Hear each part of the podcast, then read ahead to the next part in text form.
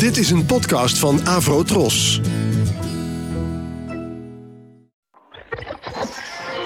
Ladies and gentlemen, The Fab Four. Fab Four. John, Paul, Fab Four. George, Ringo. Four. Not four. Fab Four. We have for you the Fab Four. Fab Forecast.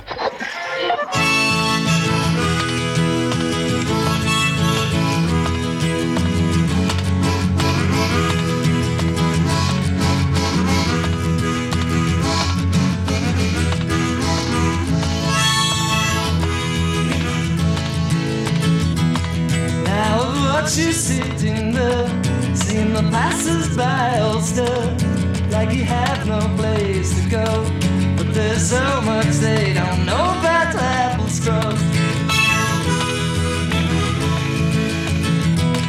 You've been stood around for years, see my smiles and touch my tears. How it's been a long, long time, and how you've been on my mind, my apple scrubs. Apple scrubs, apple scrubs. How I love you, how I love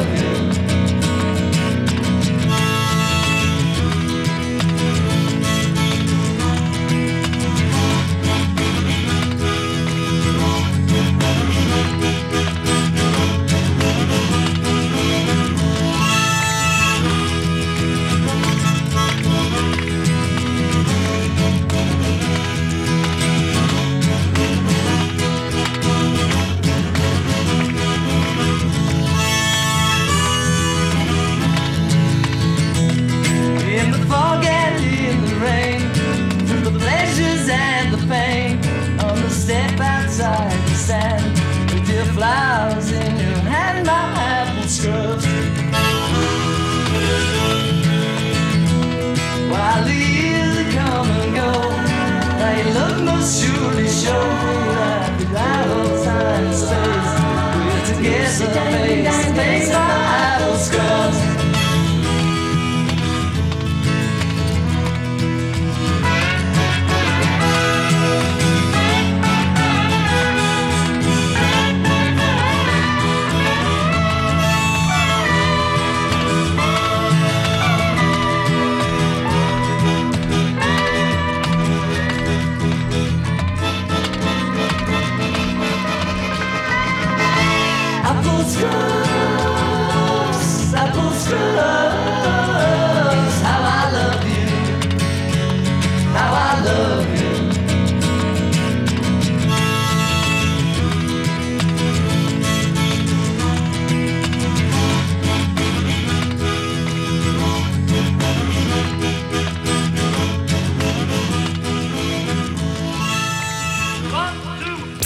Forecast.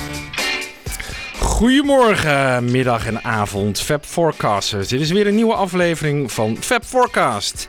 Eh, ik ben jullie eh, moderator vandaag en ik zit hier natuurlijk weer met mijn companen. Jan Kees de Brugge. En Michiel Tjepkema. yes. En vandaag gaan we het hebben eh, weer over George Harrison. We hebben natuurlijk een tijdje geleden een aflevering gemaakt over onze favoriete solo-krentjes van eh, George Harrison. En vandaag is hij weer aan de beurt. Ehm, en de reden is eh, dat er een hele mooie nieuwe box is verschenen. eh, de Apple Years box. eh, met daarin ja, de, de Apple-platen die George in het begin van zijn solo-carrière heeft uitgebracht. En ja, een van de nummers daarvan, die hoorde je net. Apple Scruffs, die stond op All Things Must Pass. Een ode aan de fans die zich altijd ophielden buiten de studio. En buiten de huizen van, van de Beatles natuurlijk. En ik kan me herinneren een keer dat eh, een van die fans een verhaal vertelde dat George eh, de studio uitkwam en zij stonden daar allemaal. En dat hij vertelde van, eh, kom eens even naar binnen. Ik moet jullie even wat laten horen. En dat hij dit toen liet horen aan, aan die fans, aan de Apple Scruffs zoals ze ook wel heten. Omdat ze natuurlijk altijd ja, buiten Apple hingen en buiten Abbey Road en zo. En ja, dat is toch wel een, een magisch moment geweest voor die fans. Ze zijn ook te horen op sommige Ja. nummers van de Beatles, hè? Ja, dat is heel leuk, hè? Across the Universe, ja. Across the Universe, ja. Zijn ze speciaal naar binnen gehaald. Ja. Lizzie Bravo. Ja, Lizzie Bravo. Ja, Ja. Uit, uit Brazilië geloof ik kwam die eh, vrouw. Klopt, ja. Die, Ja, eh, die heeft nog kom- een boek geschreven erover. Ja, die kom ik ook nog wel eens op eh, fora tegen op internet. Ja. Ja, ja, grappig. Ja. Maar goed, eh, de Apple Years box. Ehm, hij eh, staat hier op tafel, jongens. Eh, ik heb hem al een tijdje in huis gehad. Jullie zien hem nu voor het eerst. Wat, wat vinden jullie ervan? Ah, hij ziet er prachtig uit. Hij is echt ongelooflijk mooi vormgegeven. Ik, Ja. ik vraag me af, is dit nou eh, een productie geweest van Apple? Of is dit een, pro- eh, productie geweest van Dani en... eh, Ja, van Danny, Danny. zoon Dale Ja, en? Olivia. Dat ik goed begrijp. Toch? Wat? Van allebei. Van allebei. Ja, want eh, het is dus eh, een, een, een soort co-productie. eh. Van Want- Dark Horse. eh, bestaat het eigenlijk nog het label van George? Of, nou, Ik ik denk denk, het het niet. Nee, ik denk het niet. Misschien dat het nog wel eens uit de mottenballen wordt gehaald als er weer een, eh, een, een Harrison release komt of zo. Maar Ja. ik weet bijvoorbeeld niet of Brainwashed op Dark Horse is uitgebracht. Maar ik denk het eigenlijk niet. Het klinkt overigens allemaal heel mooi. Het is Ja. eh, Paul Hicks, hè, van, eh, die ook de Beatle-heruitgaven eh, vaak doet. die heeft, het hier, heeft zich hier ook weer over gebogen. En het klinkt echt geweldig. Het is alsof het gisteren is opgenomen. Ja, dat viel me heel erg op aan dit nummer net, want dat had ik een tijd niet gehoord. Maar wat knalt het heerlijk uit de speakers, hè? Dat- Ja. Ongelooflijk. Ja. Ongelooflijk. Geweldige kwaliteit. En je ziet ook dat ze in die tijd ook al een geweldige opname mogelijkheden hadden. En dat het nu nog steeds, hè, ik bedoel, eh, na zoveel jaar, klinkt het nog steeds fris en, en helder. En, en heb je dit dan vergeleken met Apple Scrubs van de heruitgave van, nou, wanneer was het? Eh, 2001 één? was Ja. het. Heb ik niet gedaan. Nee. Nee. Ik weet niet of daar nou heel veel verschil in zit, maar het zal ongetwijfeld. Je kunt tegenwoordig. Eh, in 2001 probeerden ze misschien nog de ruis en zo weg te halen. Dat doen ze nu niet meer. Dat vind ik ook heel een groot voordeel. Ja, en ik weet dat George in 2001 toen in het boekje erbij had gezet dat hij de verleiding moest weerstaan om alles te gaan remixen. Omdat er zo'n enorme wall of sound op zit. Ja. En Ja. volgens mij heeft hij daar, in het boekje zei hij dat ook, dat hij een beetje wat teruggehaald heeft van die wall of sound. Dus Oké. wel een iets andere, geprobeerd om het wat, wat dichterbij te laten klinken. Nou, daar En- zou zijn vader tevreden mee geweest zijn, toch? nou, dat zei George in 2001. En Ja. ik, weet, ik weet niet wat er nu gebeurd is. Oh. Of het ook... ehm, Oké, ik snap het. Of ja. het weer de originele master... Ik denk het eigenlijk wel. Dat de originele master is gepakt. En dat het weer gewoon... eh, ja, de Wall of Sound weer in alle glorie is hersteld. Ja. Maar echt heel veel verschil zal het niet maken. En zeker in dit nummer niet. Want dit is redelijk, ja... Akoestisch gitaartje Ja. en, eh, en een mondharmonica en wat zang. Dat is wel grappig, hè? Want eh, dat heeft George dus ook een beetje. George Martin heeft het ook wel een beetje. Hè? Van, nou, eh, die, die, die is op een gegeven moment ook opnieuw platen gaan mixen van de Beatles. Hè? Eh, ik, ik meen me te herinneren Rubber Soul dat hij die opnieuw heeft gemixt. Zij vinden eigenlijk niet dat je het zo moet laten zoals het destijds is uitgegeven. Dat vind ik een interessant gegeven. Hè? Ja. Zij vinden eigenlijk dat je gewoon opnieuw weer die zaak kunt mixen en dan gewoon heruitgeven. Ja. Die historie die zegt hun minder waarschijnlijk dan Ja. wij als fans. Die zeggen, Kijk, ik vind aan de ene kant vind ik het interessant hoor, om te zien hè, hoe hij dat opnieuw zou he- hebben gemixt. Maar aan de andere kant vind ik dan ook dat je het origineel er wel bij moet halen. En dat, dat, we, hè, dat we het origineel niet moeten vergeten. Wat Nee. vinden jullie? Nou Nou, ja, ja. de Be- het Beatle-materiaal zelf is natuurlijk ook bewerkt hier en daar. In 2009 komen de stereo en de monobox uit. En als ik me niet vergis, zijn in die, is in die, eh, ja, die heruitgaves zijn ook al foutjes gecorrigeerd hier Ja. en daar. Ja, ja. Kleine Dus- stukjes hier, ja. hè, eh, drop-outs en dat soort dingen hebben ze er al uitgehaald. Ja. Ja, je ziet het nu ook weer met Giles Martin, die, hè, ding- die geluiden gaat toevoegen bij Hardest Night. Daar komen we nog later een keer op terug. Maar je ziet dus dat, dat, ze- dat ze wel eh, ermee bezig zijn met het materiaal. En ze, ze willen het niet zo houden zoals het was. Ik bedoel, ze willen het elke keer weer zo goed mogelijk eh Ja, maar ik, begrijp, ik begrijp dat ook heel goed eigenlijk hoor. Want als artiest wil je gewoon dat jouw eh, kindje, jouw muzikale kindje, gewoon zo, zo goed mogelijk klinkt. En in die tijd waren de technologische mogelijkheden gewoon veel beperkter. Ja. En als je die, die ruimte nu wel hebt, Ja. ja, waarom zou je dat niet doen, weet je wel? Het is gewoon Ja. alsof je een schilderij gewoon weer oppoetst en Ja. eh, nog mooier laat zijn. Ja. Dus ik, ik ben daar een groot voorstander Ja. van. Maar er zijn ook grenzen. Hè? De, eh. Paul McCartney heeft destijds gezegd: George Martin mag niet het, het achtergrondorkestje bij Yesterday opnieuw opnemen. om dat heel mooi in stereo te kunnen mixen. Hè, dat, daar lag wel een grens. Dus eh, dat- opnieuw opnemen vinden ze gaat te ver. Maar opnieuw mixen mag dan Ja. tot Ja. Daar ben ik kijk ook heel erg naar uit met eh, de Beatle-catalogus. Dat ze die opnieuw gaan mixen. Dus niet opnieuw masteren, maar gewoon Ja. een normaal stereobeeld gaan creëren. Want Ja. dat was in die tijd gewoon echt Nou ja, bizar. Dat hebben we met eh, Yellow Submarine gehad. Hè? En die Ja. klonk geweldig. Ja, hè? Die klonk echt ongelooflijk. Ja, dat moeten ze met de hele catalogus doen. Ja, moet zeggen met Ja. heel Dat, dat is een Ja, box die eigenlijk over wel, 10 jaar wel. uitkomt. Die kost dan 500 euro. Maar dan heb je echt, zoals de Beatles het echt, echt, echt bedoeld hadden. Ja, precies. Ja. Nou ja. Ja. Maar er zijn fans die hier echt tegen zijn. Hè? Bijvoorbeeld de, de bekende drop-out in, in Day Ja. waar de muziek dus helemaal wegvalt. Ja. Die is gecorrigeerd in die eh, Ja. set van 2009. En er Ja. zijn fans die er echt denken van, nou, dat, dat, dat, dat doe je gewoon niet. Nee. Dus nee. die fouten die horen ook bij dat materiaal. Ja, ja. Ja. En zelfs de hele lelijke eh, galm die eh, Dave Dexter ooit bij eh, Capital vinden Ja. toch die fans. Zo zijn ze ermee opgegroeid. En zo moeten we het laten. Hè. Daar, Ja. daar- daar mag niet aan, niets aan veranderd worden. Nou, dat moet ook uitgebracht worden, maar er mag ook daarnaast natuurlijk wel gewoon een hele nieuwe mix uitgebracht worden. Als het origineel inderdaad, maar nou, dat hebben we nu. maar beschikbaar blijft. Ja. Maar beschikbaar blijft. Ja, goed. Daar zijn we het over eens dus. We hebben het hier dus over een remaster. Dus Ja. eh, gewoon de originele ja, opnames, maar dan eh, flink lekker opgepoetst, eh, mooi helder laten klinken. Ehm, er zitten in die box eh, zeven cd'tjes, ehm, zes albums en dan Ultimate in Spaas als dubbelalbum, eh een dvd en een heel mooi boekje. En bij alle albums, behalve Ultimate in Spaas dan weer, dat is een beetje vreemde eend in de bijt zit, eh, zitten overal gewoon boekjes bij, bij elk album.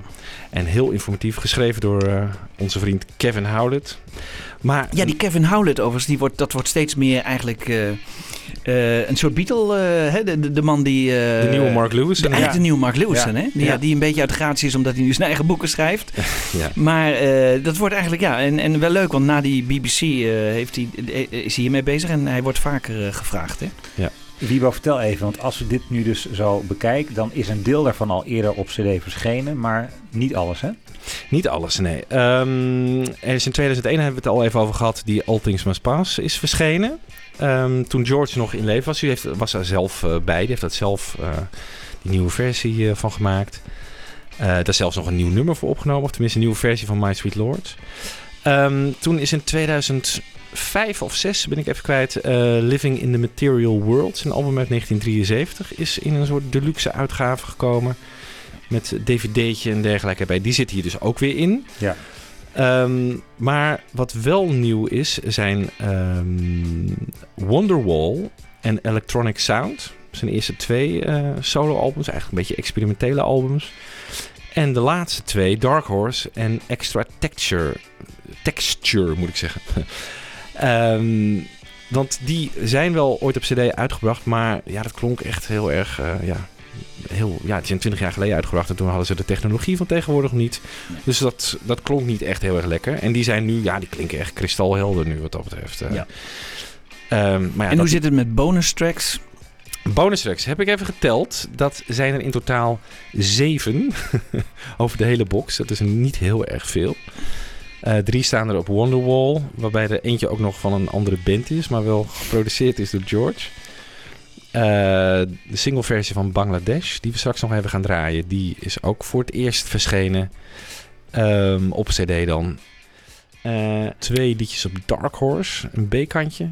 I Don't Care Anymore en een demo van Dark Horse, die we ook gaan draaien. Die is echt heel erg mooi, maar later meer dus. En op Extra Texture staat een eh, nieuwe versie van eh, This Guitar Can't Keep From Crying. Dat is het eigenlijk. Ja, dat zijn er zeven. En het dvd'tje dat erbij zit, dat, ehm, ja, dat vind ik toch wel een beetje de teleurstelling van de hele box. Want daar staat eh, maar één nieuw ding op. En dat is een soort featurette van de Apple Years box. Geregisseerd door Olivia Harrison. En ja, dat is zeven minuutjes. En de rest van de content is allemaal eerder uitgebracht. Dus ook al op die eerder genoemde Living in the Material World. Ehm, nou ja, die bonus eh, eh, dingen op uh, All Things staan er ook allemaal op. Uh, dus dat is eigenlijk een beetje een soort uh, verzameldingetje van dingen die we al hadden. Zouden ze wat achter de hand houden of zou het langzamerhand de bodem in zicht komen? Nou ja, kijk, die early takes van een paar jaar terug van George Harrison. De, de, dat was gewoon een volledige CD met allemaal onuitgebracht materiaal. Ja. Ik denk dat ze het meer voor dat project bewaren dan dat ze het, dit als bonus tracks op die uh, CD'tjes gooien. Ja, maar ze wilden toch meer. voldoende bonus tracks uh, aan toevoegen zodat ook de, de fans het wel weer zouden kopen. Ja. Ja. Ik, ja, ik denk dat je weet, van, zeker van All Things Must Pass, dat kan al wel een keer de, de deluxe, de super deluxe uh, ja, een archive release. Ja, zeker ja. Want ja. daar weet je, dat zijn, er zijn misschien wel 20 of 30 schitterende demo's van die, uh, ja. die echt de moeite waard zijn. Maar inderdaad, ik denk dat dat nog wel een keer, dat zie ik nog wel een keer aankomen. Um, en die early takes, uh, ja, dat was volume 1, hè. Dus daar ja. komt, dat, dat, daar dat komt is gewoon een serie. Ja. Dus dat, uh, ja.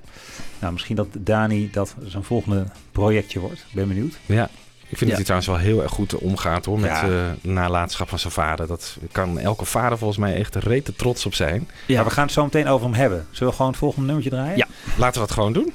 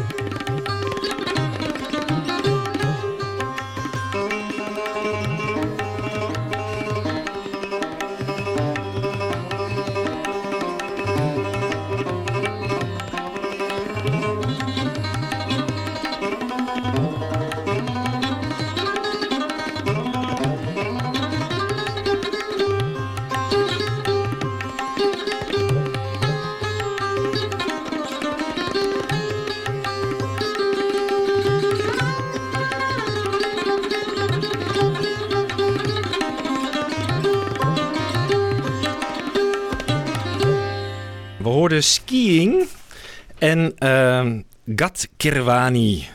Wie kent het niet? Van het eh, album eh, Wonderwall.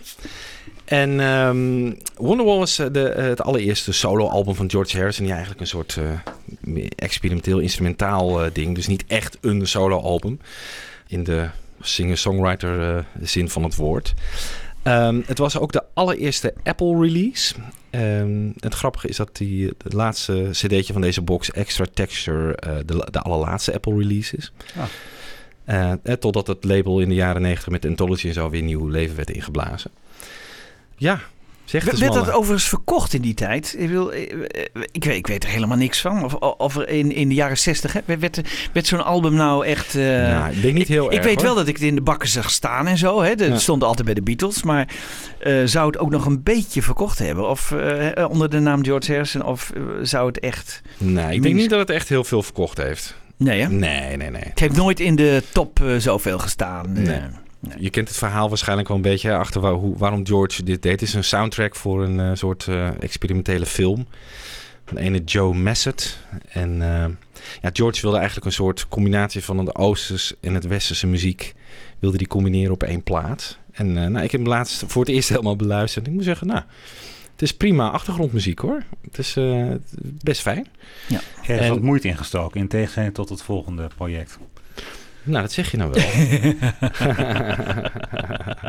nou, het grappige is dat eh, dit komt eh, ergens in 68 uit, begin 68 denk ik.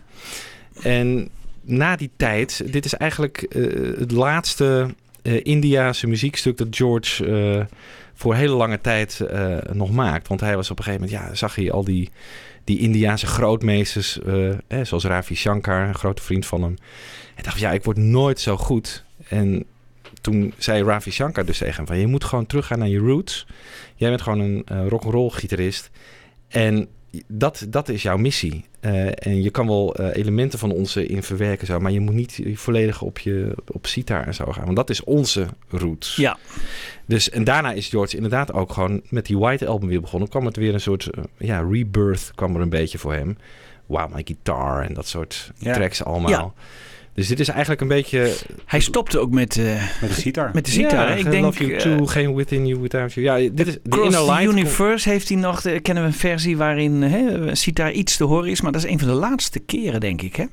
is ook begin 68 Ja, het is begin opgenomen. 68. Dus Ja, dat, dat, zou heel goed kunnen dat, eh, dat, Ja. dat hij toen is mee is gestopt. Dus Ja. Ik denk die Inner Light, is dat misschien wel het laatste moment? Ja, en dat is wel grappig, want dat staat hier op deze plaat als bonus track eh, erbij. Een, eh, ja, een alternatieve take, zeggen ze dan, van de backing track van The Inner Light. Ah. Ik hoor heel weinig verschil met eh, de uitgebrachte versie. We hebben natuurlijk een paar podcasts eh, geleden ook gedraaid in de Anthology 4, de backing track. Dus die gaan we nu niet weer draaien. En dat heeft hij dus in Bombay eh, opgenomen met Indiaanse muzikanten. En het gedeelte wat, wat we net hoorden, waar het mee begon, dat is Eric Clapton en Ringo en George in, in Londen, in Abbey Road, hebben ze dat opgenomen. Oké, eh, nou dan, dan is dit eh, Wonderwall. Het volgende project waar George eh, mee op de proppen komt, heet Electronic Sound. En eh, dat, is de, dat wordt uitgebracht op Zeppel. Dus eigenlijk niet op Apple, maar Zeppel is een soort experimenteel eh, sublabel van Apple. Eh, de eerste release daarvan was Live with the Lions van John en Yoko. En, Dat, dat mocht gewoon heel slecht zijn. dat mocht, ja. Ja. Nou, dat horen jullie zo ook wel. dat het gewoon Ja. slecht mag zijn. Want het is eigenlijk gewoon wat je hoort. Iemand die voor het eerst een Moog synthesizer ziet en denkt van... Hey, wat leuk. What does this button do? Zoiets, weet je wel? Gewoon eh plong, plong, plong, Ja. plong. Ja, Ja. zo klinkt het echt alsof een kind voor het eerst aan het spelen is eh, erop. En, eh, maar dan nog zit er een heel apart verhaal aan vast. ehm, wat ik tegenkwam in het boekje. Dat ehm Georgie gaat dus eind 68 eh, naar Amerika. En dan gaat hij bij Bob Dylan in Woodstock en zo. Dan gaat hij met Dylan liedjes schrijven. Eh, maar hij gaat diezelfde trip gaat hij ook naar eh, Los Angeles toe voor opnames van Jackie Lomax. Die, die neemt daar zijn debuutplaat op. En daar wordt een Moog synthesizer gebruikt. En het is een heel nieuw ding in die tijd. Klinkt heel futuristisch. En daar is ook iemand die bij die dat uitlegt hoe dat ding werkt. Een soort vertegenwoordiger eh, van Moog synthesizers. Die eh, man heet Bernie Krause. En hij laat George dan een beetje de werking zien van, dat, eh, van die synthesizer. En George heeft dan ondertussen al die technicus die in de studio zit. Die heeft gewoon, echt, neem het maar op. Dus die hele demonstratie van die Bernie Krause, zonder dat hij het zelf weet, wordt gewoon opgenomen. En op een gegeven moment is die Bernie Krause dus in, eh, in Engeland. En eh, George nodigt hem uit bij hem thuis. Eh, eh, hij woont dan nog in Esher. Nog niet in dat Friar Park, in dat grote kasteel. En op een gegeven moment hoort die Bernie Krause, die hoort die plaat en zegt... Shit, dit is gewoon mijn demonstratie die ik heb gegeven in die studio in L.A. voor George. Heb je dat opgenomen? Dat is echt... Dus die kerel die ontploft echt van... Dit is toch echt gewoon jatwerk en zo. Dat kan Oh. gewoon niet? Kreeg hij geen credits? Nou, hij stond dus vermeld op de hoes. Ja. Ik zeg van ja, hij was zo kwaad. Hij wilde gewoon zijn naam van de hoes hebben. Oh. En dat was al te laat, geloof ik, omdat die hoesen al gedrukt waren. Dus is dat met een soort zilververf, is die naam er gewoon afge, afgeverfd. Het is, Geweldig. het is ook te zien. Het is ook een heel rare hoes. Hè? ja. Ja, Ja. Ik denk dat het zijn eigen schildering is. neem Ja. ik aan. Ja, je ziet hem ook op de foto en heeft hij die, dat, dat, vast en zo. Het is echt geweldig. Dit heeft George zelf eh, die hoes eh, geschilderd. Ja, klopt. Ja. Ja. Maar George zegt dan op dat moment ook eh, tegen hem van... Ah, Bernie, well, if it sells, I'll send you a couple of quid. And when Ravi Shankar comes to my house, he's humble. Trust me, I'm a Beatle. Ja. Wat een arrogantie. ja, ze dachten dat ze echt alles konden doen. Hè? Dat is dan niet normaal. Ja, dat is echt ongelooflijk. Ja. Nou ja, goed. Ehm, ik heb jullie beloofd om er wat van te laten horen. Ik heb hem dus in een eh, autorit, eh, waar ik heel lang in de file stond, heb ik hem helemaal gedraaid. Oh, En ehm, dit gedeelte was dan nog het meest genietbaar. Ik laat Maar is, hem, eh, wie, wie horen we nu, denk je? Dat, Bernie dat- Krause? ja, kijk, dat weet ik dus niet. Zo ver zit ik er dan. Ik weet niet precies welk gedeelte Bernie Krause. Het komt in ieder geval wel van de plaatkant Ja. waar Bernie Krause dan die Kant demonstratie. 2 is dat. Dus het zou heel Ja. goed kunnen dat dit Bernie is. Nou, ik, ik, ik vraag het ook omdat we eigenlijk van George weten dat hij niet heel bedreven was op de toetsen. Nee, precies, ja. Nee. Eh, Nou, deze man hier, die wie dit ook speelt, ook niet echt hoor. Maar- Oh. Oké. Laten we eens even luisteren. Kan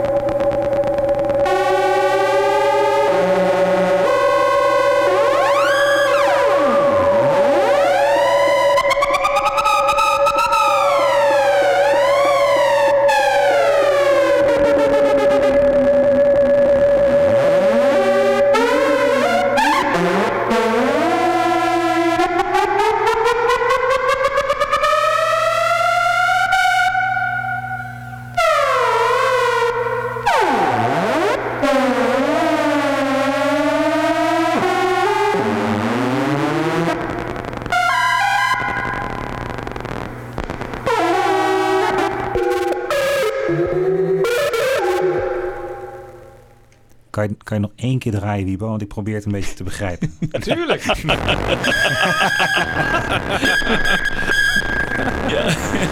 ja. Michiel, nu moet je het ook... eh, Nee, maar Oké, ja, nee. we uit. kunnen, ja, we kunnen er enigszins credits geven. Kijk, in die tijd hè, was, was, waren dit soort geluiden was, was echt magic. Ik bedoel dat je Ja. dat kon maken. Nu zijn we eraan gewend. En kennen we al die... Ik bedoel, eh, iedereen kan bijna thuis dit soort geluidjes maken. Maar in die tijd hè, eh, was het geluid was van het apparaat was eh, ja, revolutionair. revolutionair. Dus je denkt, goh, hier kunnen we wat mee. Dit is fantastisch.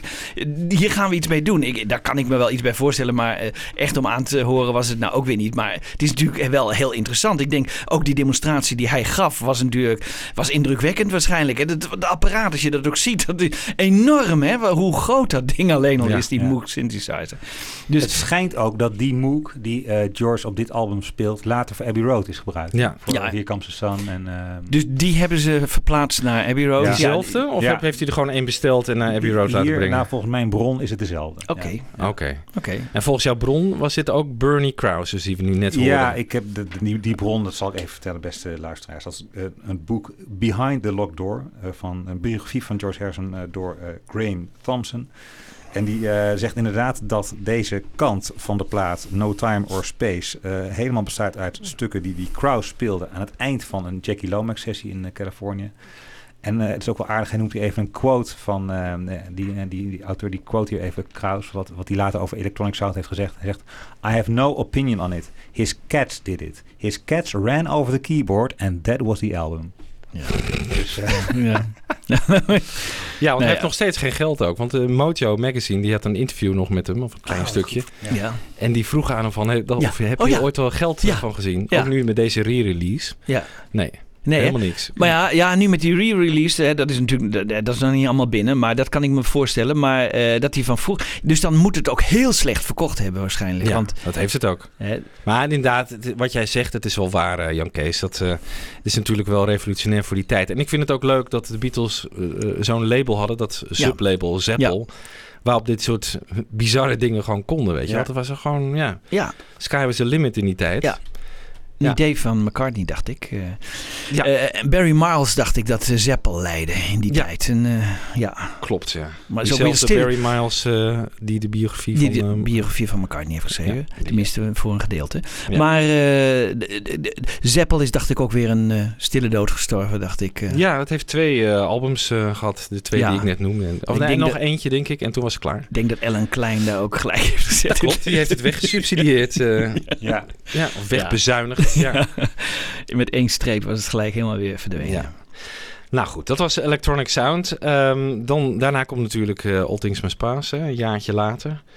Ehm, we laten nu even een versie horen van eh, eh, vorige week was dit. we zijn nu vandaag 3 oktober en vorige week eh, donderdag 25 september was er in de Conan O'Brien show in Amerika.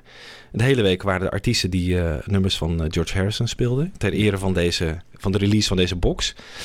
En uh, Nora Jones was een van de artiesten die, dat, eh, die nummertje voor de rekening nam. Dochter van? Dochter van Ravi Shankar. Ja, ja geweldig. Ja, klopt. Ja. En die maakte een hele mooie versie van eh, Behind That Locked Door. Please welcome Nora Jones.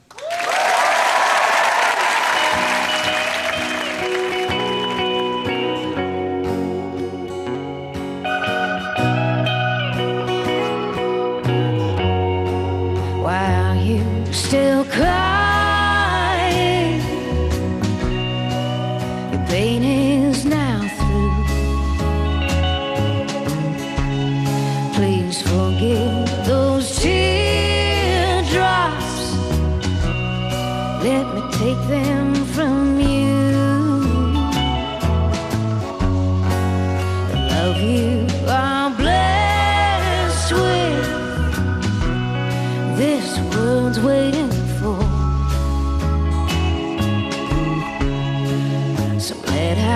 your heart.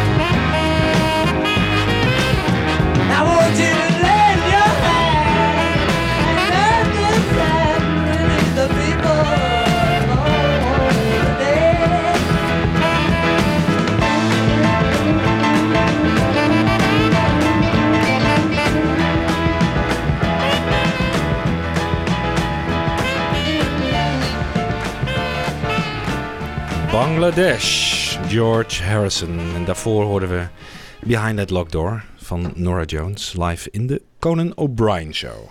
Ja, nog even over die, die Behind That Locked Door. Dat was een eh, excuus, vertelde George, om weer eens een country nummer te doen. En het heeft me altijd verbaasd. Die Beatles die hebben altijd wel iets met country gehad. Hè?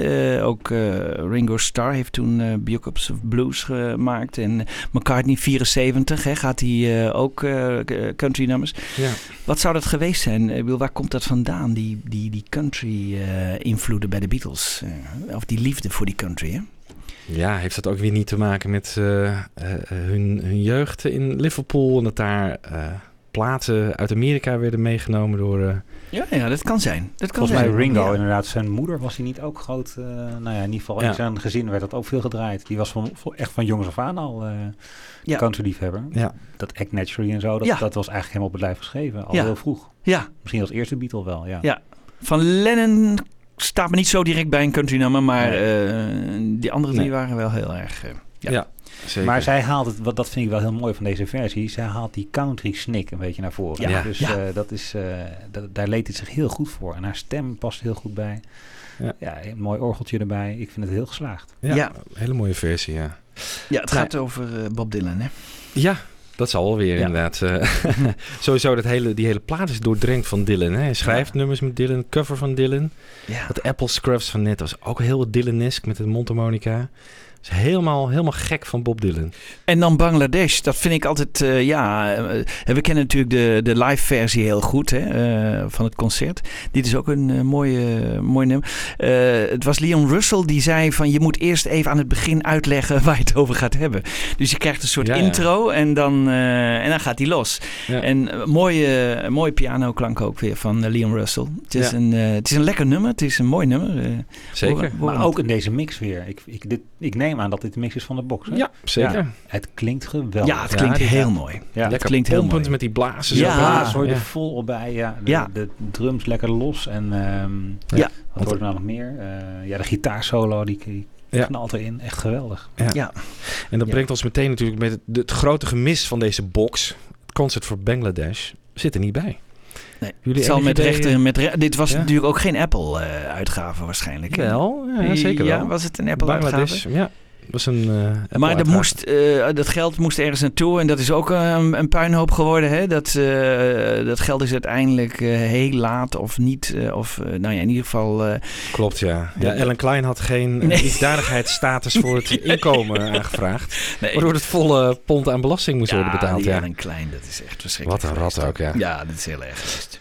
Maar wat denk jij, wat zit erachter? Eh, Nou ja, er staat op die plaat natuurlijk een hele hoop nummers van anderen ook. Ja, en dat is een Ja. rechte kwestie. Het is niet denk alleen Ja. maar George. Nee. Ehm, En om, dat, om die rechten allemaal te regelen weer. nou ja, ja, misschien wel. Maar het is natuurlijk wel uitgebracht op cd. Ook, eh, ik denk een jaar of tien geleden. Ik vind het zelf wel heel erg jammer dat hij er niet bij zit. Want het, ja, het, het is toch een beetje... De, eh, ja, de, het plaatje is niet compleet op een of andere manier. Nee. En deze box had ook wel die boost kunnen gebruiken of Ja, zo. Even ja. wat, wat power erin of zo. Ja. George, Het ja. zijn namelijk niet allemaal zijn sterkste albums, hè? Nee, Dat is... eh, nee, zoals Dark Horse en Extra Ja. Texture en zo. Dat zijn niet de allersterkste albums. Nee. Living in the Material World vind ik ook niet heel sterk, moet ik Nee. zeggen. Ja, ik vind het, eh, vind het jammer dat hij niet bij zit. Ja. Nou ja, dan is het concert voor Bangladesh geweest. Die single die staat er gelukkig dan wel op. Ja. Ehm, dan komt Living in the Material World. Die is eh, uit 73. Eh, wordt eh, in Friar Park Studios opgenomen. Het is voor het eerst dat George een, een heel album in zijn eigen studio opneemt. Want All Things Must Pass is nog in Abbey Road gemaakt. En volgens de muzici die erbij waren, was het, ja, heerste er een hele relaxe sfeer. Maar ehm, een van de mensen die erbij was, zei ook, ja, er borrelde ook wel wat op de achtergrond. Het was natuurlijk eh, George en Patty Boyd, hè, zijn vrouw, dat, Oh ja, dat ging al minder. dat ging minder. En eh, Eric Clapton zat op haar te azen. dus volgens mij is dat ja, uiteindelijk rond die tijd ook een beetje de bom gebarsten. George schijnt ook aan de coke geraakt, cocaïne geraakt te zijn. En, heel bizar, ik weet niet of je dat wel eens gelezen hebt. Hij wordt verliefd op de vrouw van Ringo. Oh ja, dat hebben we ook nog gehad. Ja. Maureen, ja. Maureen. Ja. Dan heeft dus doodluik hebben Maureen en Ringo te eten eh, in Friar Park. Ja. En hij verklaart op een gegeven moment gewoon Ja. echt, te- zegt tegen Ringo van... Ik ben verliefd op je vrouw. Ja. Nou, hij heeft er een affaire mee gehad. Denk ik gewoon een one-night stand was het meer. Of eh, toch niet echt. Nou, een, dan- eh, ja. Er wordt getwijfeld of er wel Ja. eh, een seks is geweest. Maar in ieder geval wel op een soort spiritueel level waren die twee wel helemaal verkikkerd op elkaar. ja. Ja. Maar dat is ook volgens mij wel de, de aanzet geweest voor dat het huwelijk van Ringo ook eh, kapot Oh. ging. Want Hey. die is rond die tijd ook, rond 4, 74, 75 volgens mij. Toen was het wel voorbij tussen die twee. Maar volgens mij, ja, George en die vrouwen, daar speelt ook weer die arrogantie die, waar we het net even over hadden. Van ik ben een Beatle en ik kan krijgen wie Ja. ik wil hebben. Ja, en hij was Ja. ook echt verzot op vrouwen. Dat is echt tot in de ja, jaren ja, negentig. ik ja. heb net een stuk gelezen over dat hij eh, op het, eh het tribute concert voor eh, Bob Dylan, ik, was het in 93? Eh, Dus- of zoiets. 92. 92. 92. Dus daar speelt hij op een gegeven moment ook wat. En daar heeft hij ook knallende ruzie gekregen met eh, Olivia. Omdat hij eh, weer een of ander vrouwtje had geregeld. En eh, Ja, hij zou echt? daar... Oh. ja, ja, Dat is ja. ongelooflijk, hè? Zo'n John Lennon ook. Ik bedoel, hè, die, die eh, op een feestje gewoon met iemand eh, de kast, en, letterlijk een kast induikt. En Ja. dan Joko die buiten wacht. En dat is echt ongelooflijk. Die arrogantie, wat jij ook zegt, dat is echt... Dat, kun, dat, dat, dat kunnen we ons misschien niet voorstellen. Nee. Maar, we kunnen ons ook niet voorstellen hoe het is om een Beatle te zijn. Nee, nee, nee, nee, Het kan naar je hoofd stijgen. Ja, ja, ja. en en je dus kan ook alles krijgen. Ja, en in de jaren 60 natuurlijk bij die tournees, daar gebeurde natuurlijk ongelooflijk veel. Ja. ja. En toen ze één keer eh, getrouwd waren, ja, dan was het wat moeilijker. Maar eh, ze gingen er dus schijnbaar, eh, tenminste van die twee is het bekend, gewoon mee door. Ja. ja, van Paul kan ik me niet voorstellen dat hij met Linda... Nee, daar zijn weinig verhalen ook over bekend. Wel in die tussenliggende periode hè, tussen Jane Asher en Linda, dat hij met verschillende vrouwen. Maar niet daarna, nee. Oké, nou en een van de mm, tracks op dat album eh, Living in the Material World, waar trouwens al wel grappig is dat de NME, de New Musical Express, in een re- eh, review zei... So damn holy I could scream. er staan heel veel spirituele en religieuze nummers op. Ja. Ook wel een mooie eh, recensie. Ja. Ehm, er staat onder andere eh, een nummer op dat heet eh, Try Some, Buy Some.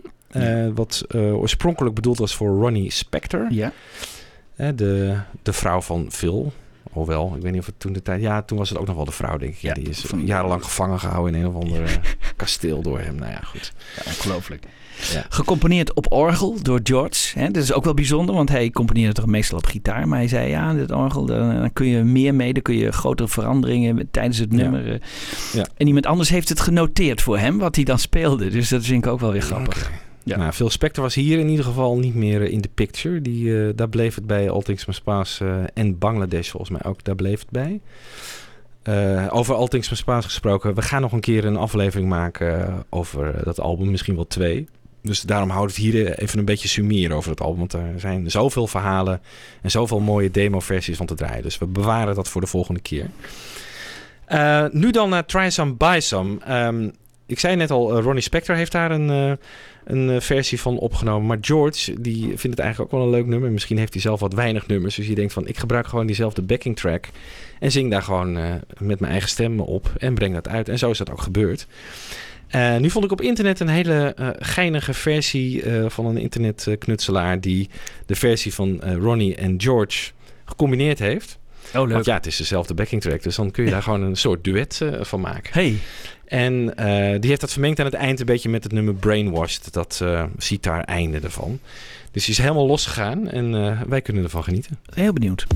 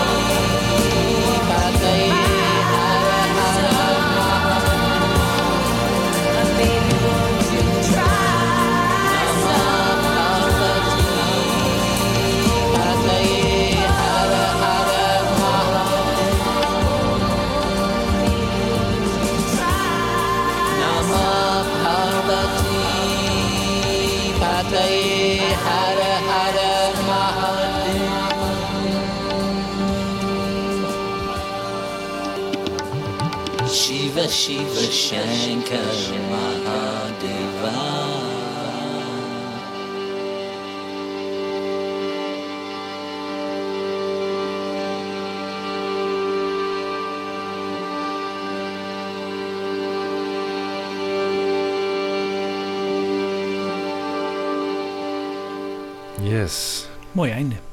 Ja, past op een of andere manier wel. Had in die box gekund. ja.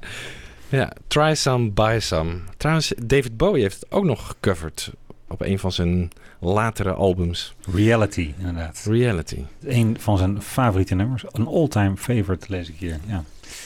Bijzonder. Ehm, nog een leuke noot bij dit album. Ehm, het nummer Be Here Now was eh, een inspiratie voor eh, eh, Oasis in de jaren 90 om hun album daarna te vernoemen. En dat hebben ze natuurlijk met Wonderwall ook al gedaan. Ja. Hè? Ja. Dat nummer, hun grootste hit. Ja. En ik las ergens een quote van Klaus Forman. Die zei dat George, die had ooit over Oasis gezegd... Fucking Oasis, can't stand them. Oh ja? hey, dat zijn leuke dingen. Ja, daar kunnen we niet genoeg van horen.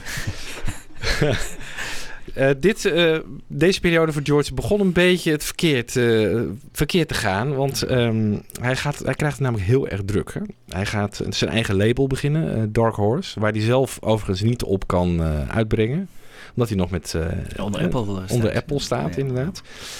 Ehm, maar hij produceert wel artiesten voor het label, zoals Splinter en de onvermijdelijke Ravi Shankar. En dan gaat hij ook nog een tournee plannen eind 74 Ja, desastreus. in Amerika. Ja. Eh, en tussen de bedrijven door eh, neemt hij ook nog een album op. Dus hij gaat overdag, geloof ik, eh, rehearsals voor de tour doen. En s'avonds gaat hij nummers opnemen voor zijn nieuwe album. Dat wordt dan Dark Horse. En hij ligt in scheiding. Of is net, volgens mij is de scheiding er net door. Zit aan de cocaïne. Kortom, een recipe voor En zijn, stem, disaster. en zijn stem gaat eraan. Zijn stem gaat eraan, ja. Ja. En dat wordt, eh, ja, dat is heel goed te horen op het album en natuurlijk ook op de tournee. eh, ik weet niet of je, we hebben wel eens een versie gedraaid van Give Me Love, geloof ik, van, Ja. van die tour. Ja. Nou dat, dat klinkt niet echt heel erg goed. En het is jammer dat het ook op die plaat terechtkomt. Want eh, er zijn sommige nummers die klinken nog wel aardig, maar die zijn geloof ik in Engeland opgenomen. Maar zodra die, die voorbereiding voor die tour beginnen in Ja. LA, gaat hij daar ook nog opnemen. En daar raakt hij echt zijn stem kwijt. Waaronder een van de mooiste liedjes van die plaat, Dark Horse, titeltrack. Even een stukje van eh, hoe slecht dat eigenlijk klinkt.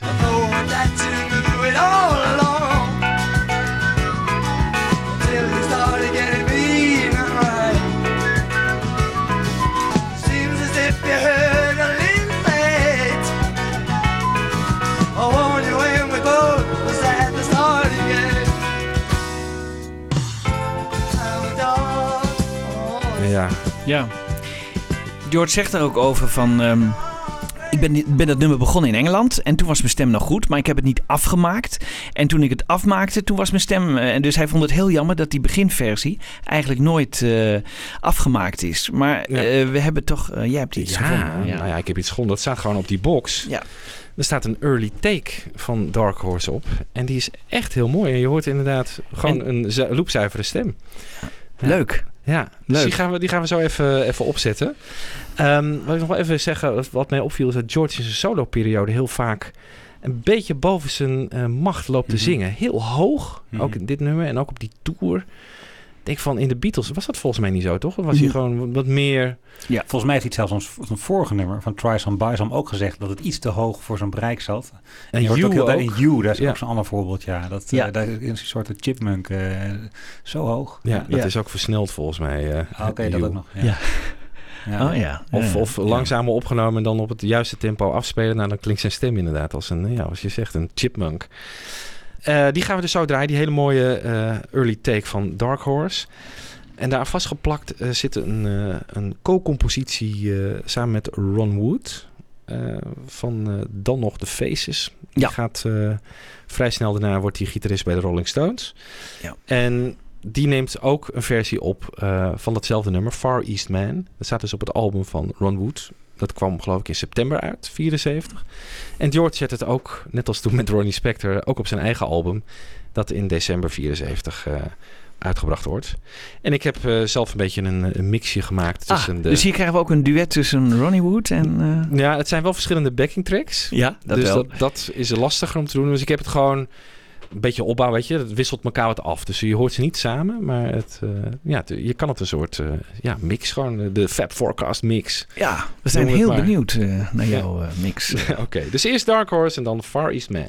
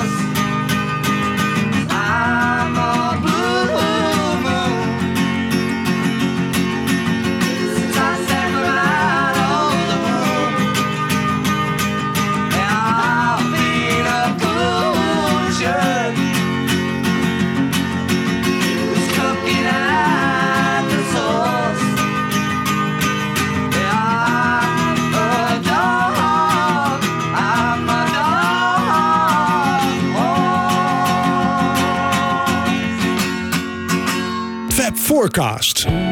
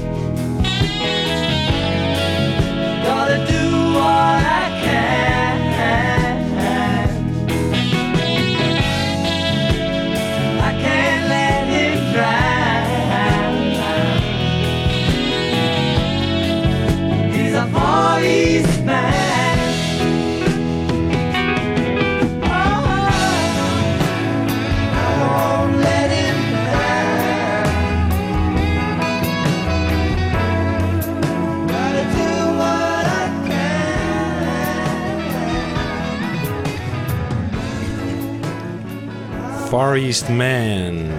George Harrison en Ronnie Wood.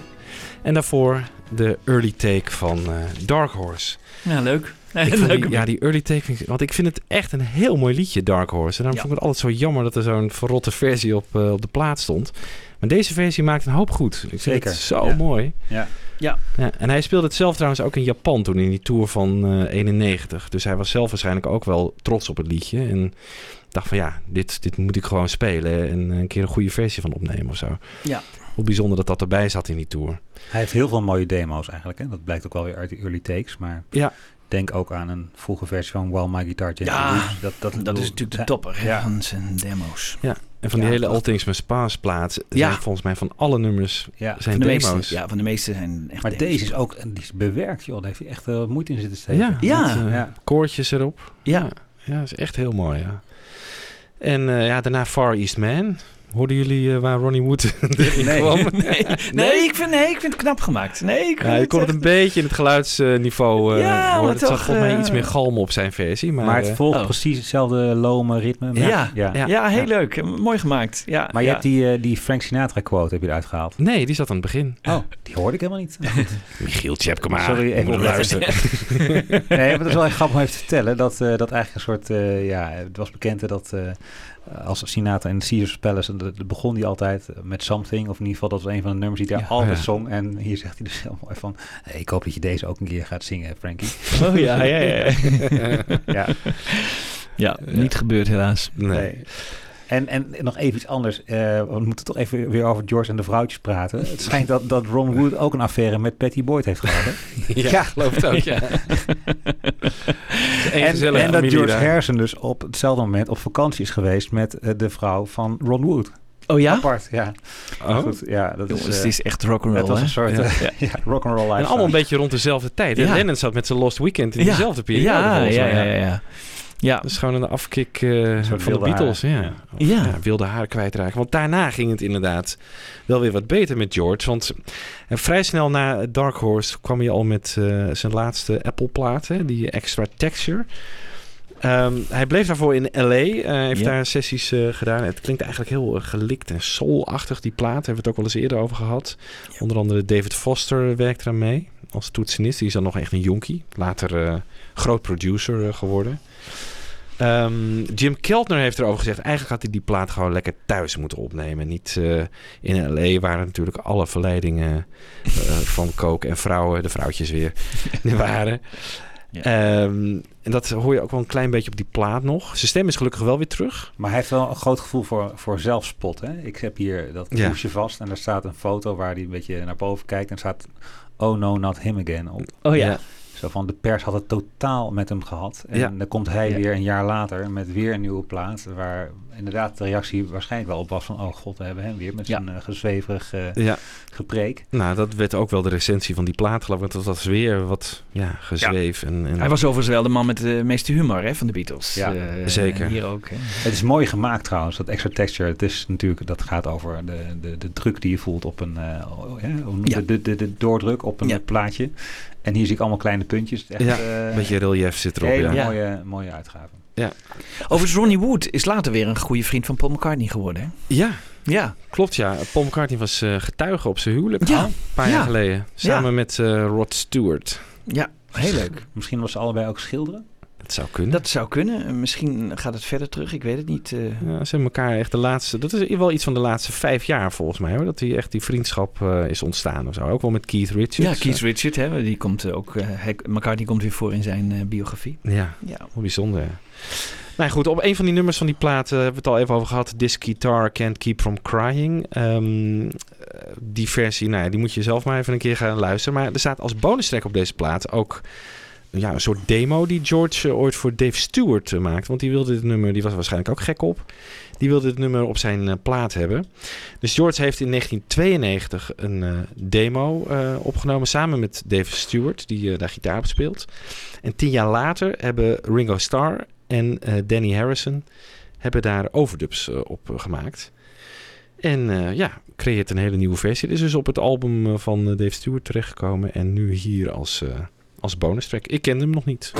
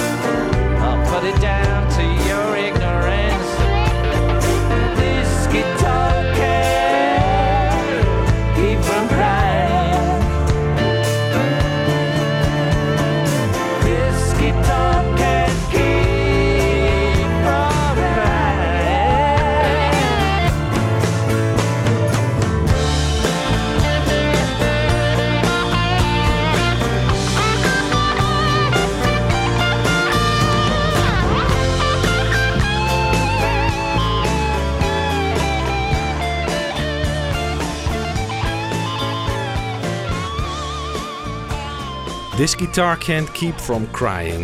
Eh, De Platinum Weird version wordt het ook wel genoemd op de plaat.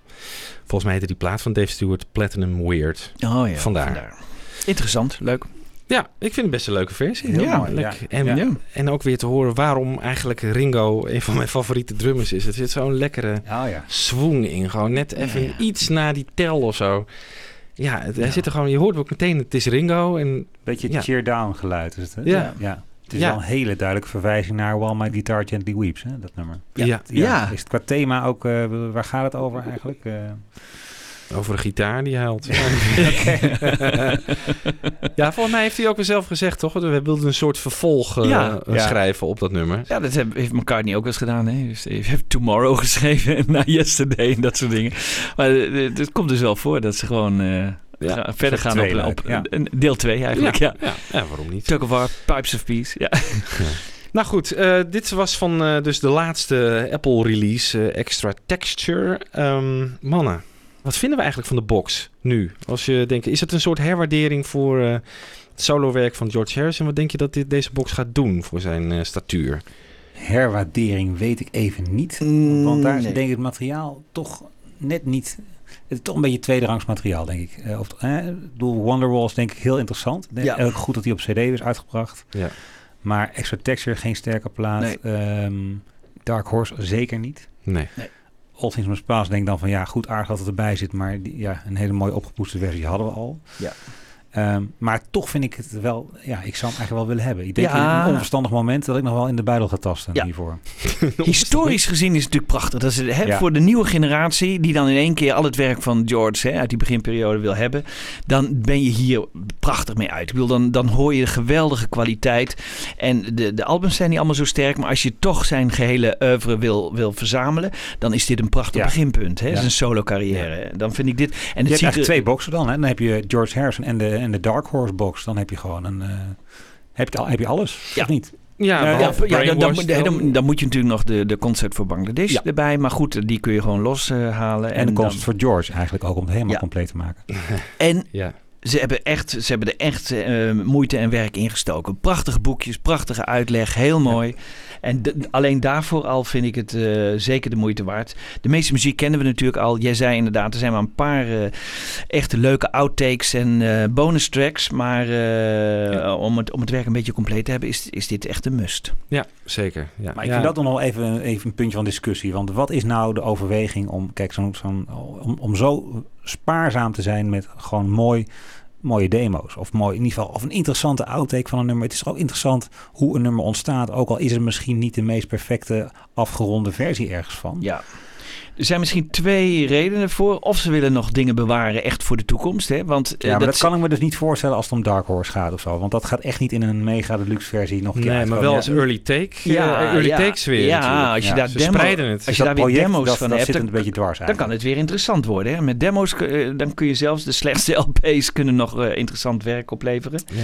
Dus dat zou een reden kunnen zijn. Het kan ook zijn dat ze niet weten dat die fans dat zo ontzettend belangrijk vinden dat er van dat soort dingen opkomen. Ze zetten er wel een paar op, maar niet zo heel veel. En eh, ze denken misschien verkoopt George toch wel. Ik, ik, eh, ik weet het niet. Eh, De overweging daarvan is interessant natuurlijk. Ik weet ook niet wie dat bepaalt. Is dat zijn zoon die dat nu over zijn werk gaat en die echt zegt van dit moet dan op die manier uitgegeven worden. We hebben er ook niet zo heel veel over gelezen, maar ehm, nou ja, dat het gebeurt vind ik wel interessant. Je ziet dat ook bij Yoko Ono, die eens in de zoveel tijd weer nieuw werk van Lennon uitgeeft. Ja, nu bij George ook. En eh, nou ja, het is mooi dat het gebeurt natuurlijk. En dat het ja, gewoon voor... eh is een mooie nalatenschap. ja, en dan is het heel goed en, mooi, en Ja. mooi gedaan. Ja, het boxje ziet er fantastisch uit. Ja, wat, ja, de content van de DVD, heb ik al eerder gezegd, Ja, me erg tegen. tegen. Ja, Maar het boekje en de informatie erbij is wel echt heel erg mooi. Het is echt heerlijk om te lezen. Ja. ja van elke album zijn er wel een aantal eh, mooie liedjes. eh, te. Maar over, over de hele linie is het niet heel erg sterk. Nee. Wordt het sterker bij de Dark Horse Years volgens jullie hierna? Mm, dat zou kunnen. Dat zou kunnen. Eh, eh, Nou, George Harrison staat op, 33 and One Third. ja, Ja. ja. Echt goede platen, allebei. Ja. Ja, maar ook slechtere zoals Somewhere Ja. in England en Ja. ja. Guantropo. Nou ja. Ja, dat- Maar zijn, zijn, zijn laatste LP was... Vind je die goed, Michiel? Nou, er staan wel een paar nummers op die ik heel goed vind, ja. Ehm, Volgens mij hebben ze gedraaid in die eh Ja. krentjes eh, Oh, ja, show. Ja, Ja. Nou, we gaan eh, afsluiten eh, met een hele mooie live versie van Let It Down. eh, door Danny Harrison en Friends. Ook weer uit diezelfde Conan O'Brien show. Grappig is dat op Facebook heeft Michiel, volgens mij de dag nadat dit was uitgezonden, een post eh, neergezet van, nou, zo moet het eigenlijk. Hè? Dit is gewoon hoe je... Hoe omgaand met de ja, hoe je, hoe je een live versie van een George Harrison nummer speelt. Want de, de dagen daarvoor was het een beetje slap. Beck die eh Wawa deed. ja. En Paul Simon die heel plichtmatig weer Here Comes the Sun eh, van stal haalde. Ja, dat was niet verrassend. Maar dit was de eerste verrassing. En jij opperde wel iets heel grappigs daarin. Nou, ik dacht, ja, kijk, hij leeft niet meer, onze George. En ik vind dat die, die Dani gewoon zo'n prachtige ja, vaandeldrager is voor zijn vaders werk. En ik denk, je zou eigenlijk, eh, dit, dit klonk live zo ontzettend goed, dat je die Dani eigenlijk zou zeggen van, jongen, pak nou even door. Neem die band met je, eh, die, waar je dit nummer mee op eh, het podium hebt gezet, eh, mee op tour. En ga gewoon, of All Things Must Pass, of eh, spelen gewoon een, of een keur uit eh, van, van nummers uit het, eh, het beste werk van, van George eh, solo. En dat kan denk ik niemand anders beter dan hij. Nee. Ik vind het ook een genot om naar te kijken naar die vent. Hoe die, eh, nou, dit, ik bedoel, het is sowieso al een soort magie, een soort magische beleving. Heb je dat niet? Maar hij lijkt ook zo op Hij zijn lijkt er zo ontzettend op. Ja. Alle bewegingen, eh, zijn hele accent, zijn, Ja. een beetje dat die hoge stem heeft hij ook wel. hè? Ja, ja. Ja, En het is zo, eh, ja, ik, ik, zou, ik zou het geweldig vinden. Echt, ik bedoel, ik denk dat je de Heineken Musical wel kan, eh, kan eh, vullen hoor. kan Met, boeken eh, alvast. Ja. Ja. ik weet niet. Maar hij is natuurlijk ook wel een integere artiest van zichzelf. Ja. Hè? Dus ik weet niet of hij... Dat gaat die- ook niet gebeuren. Nee, Nee. daar ga ik ook niet van uit. Maar Nee. eh, Ja, dromen mag. Ja, Ja. Hij speelde toch ook al een rol op dat concert voor George. Ja. Eh, Ja, ja. Op de achtergrond. hè, en, bij- en volgens mij eh, in de, de Brainwashed eh, CD al, Oh, ja. al heel prominent. Ook. Ja. ja. Klopt. Ja, maar inderdaad. we gaan nog meer van hem horen. Dat, en dat vind ik. En hij, we hebben nog helemaal niet genoemd, maar er is ook een George Fest geweest hè, na, deze, Ja. na die Conan O'Brien week. Ehm, allemaal naar aanleiding van de box, denk ik. Ja. Is een, eh, een tributeavond geweest met allemaal jonge artiesten. En eh, waaronder ook Conan O'Brien zelf, die een nummer heeft gespeeld, Old Brown Shoe. Niet om aan te horen, maar dat eh, terzijde. Ehm, en daar stond, stond hij ook weer. En hij speelde, wat speelde hij ook alweer? Ehm, Let It Down in ieder geval. Ja, en Savoy Truffle ook. Oh ja. Oh, ja. Leuk. Ja, nou, ik kan het zeer goed hebben. Maar hij heeft ook een eigen bandje, hè, de New Number Two. Dus eh, misschien eh, moeten die gewoon maar eens komen om te beginnen.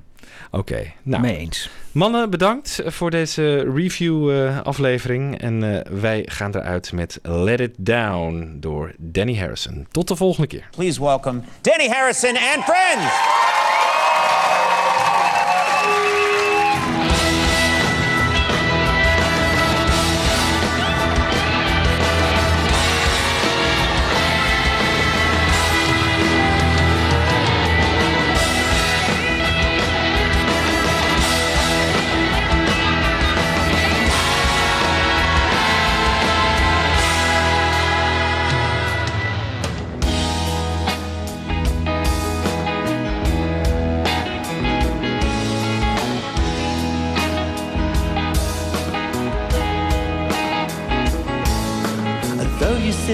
Another chair, I can feel you here, looking like I don't care,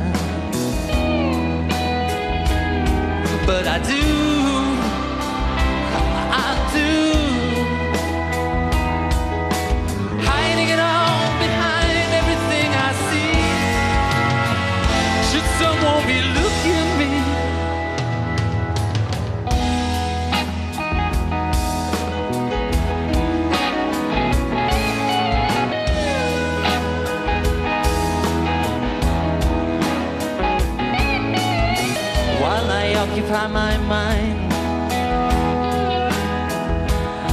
I can feel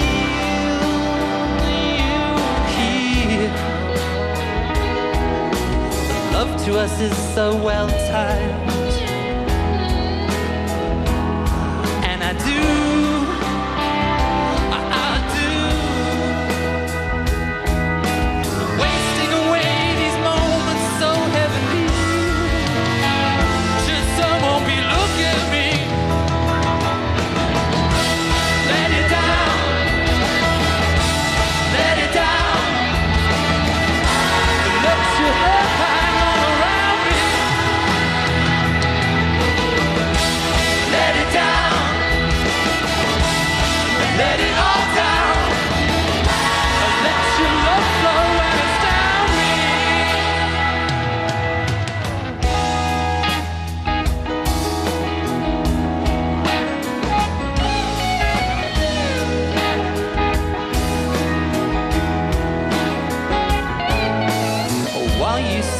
So sweetly and divine, I can feel you here. I see your eyes busy kissing mine. And I do,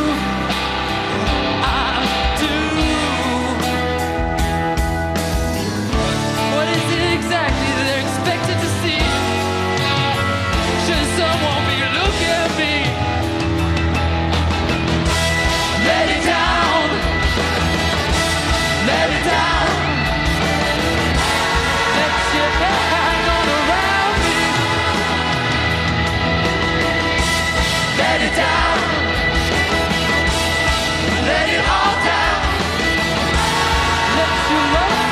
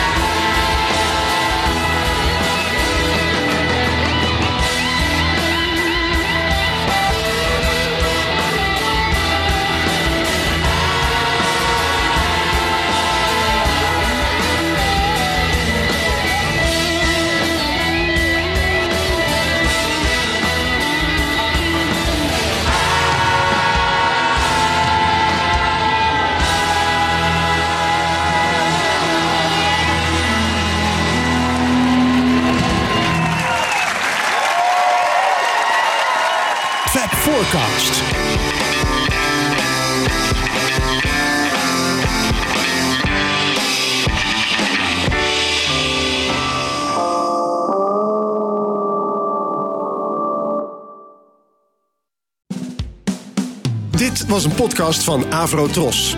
Wij maken tientallen podcasts per week. Van klassiek tot pop, van actueel tot archief, van reguliere radioshows tot speciaal voor podcast gemaakte programma's. Kijk voor meer podcasts op avrotros.nl.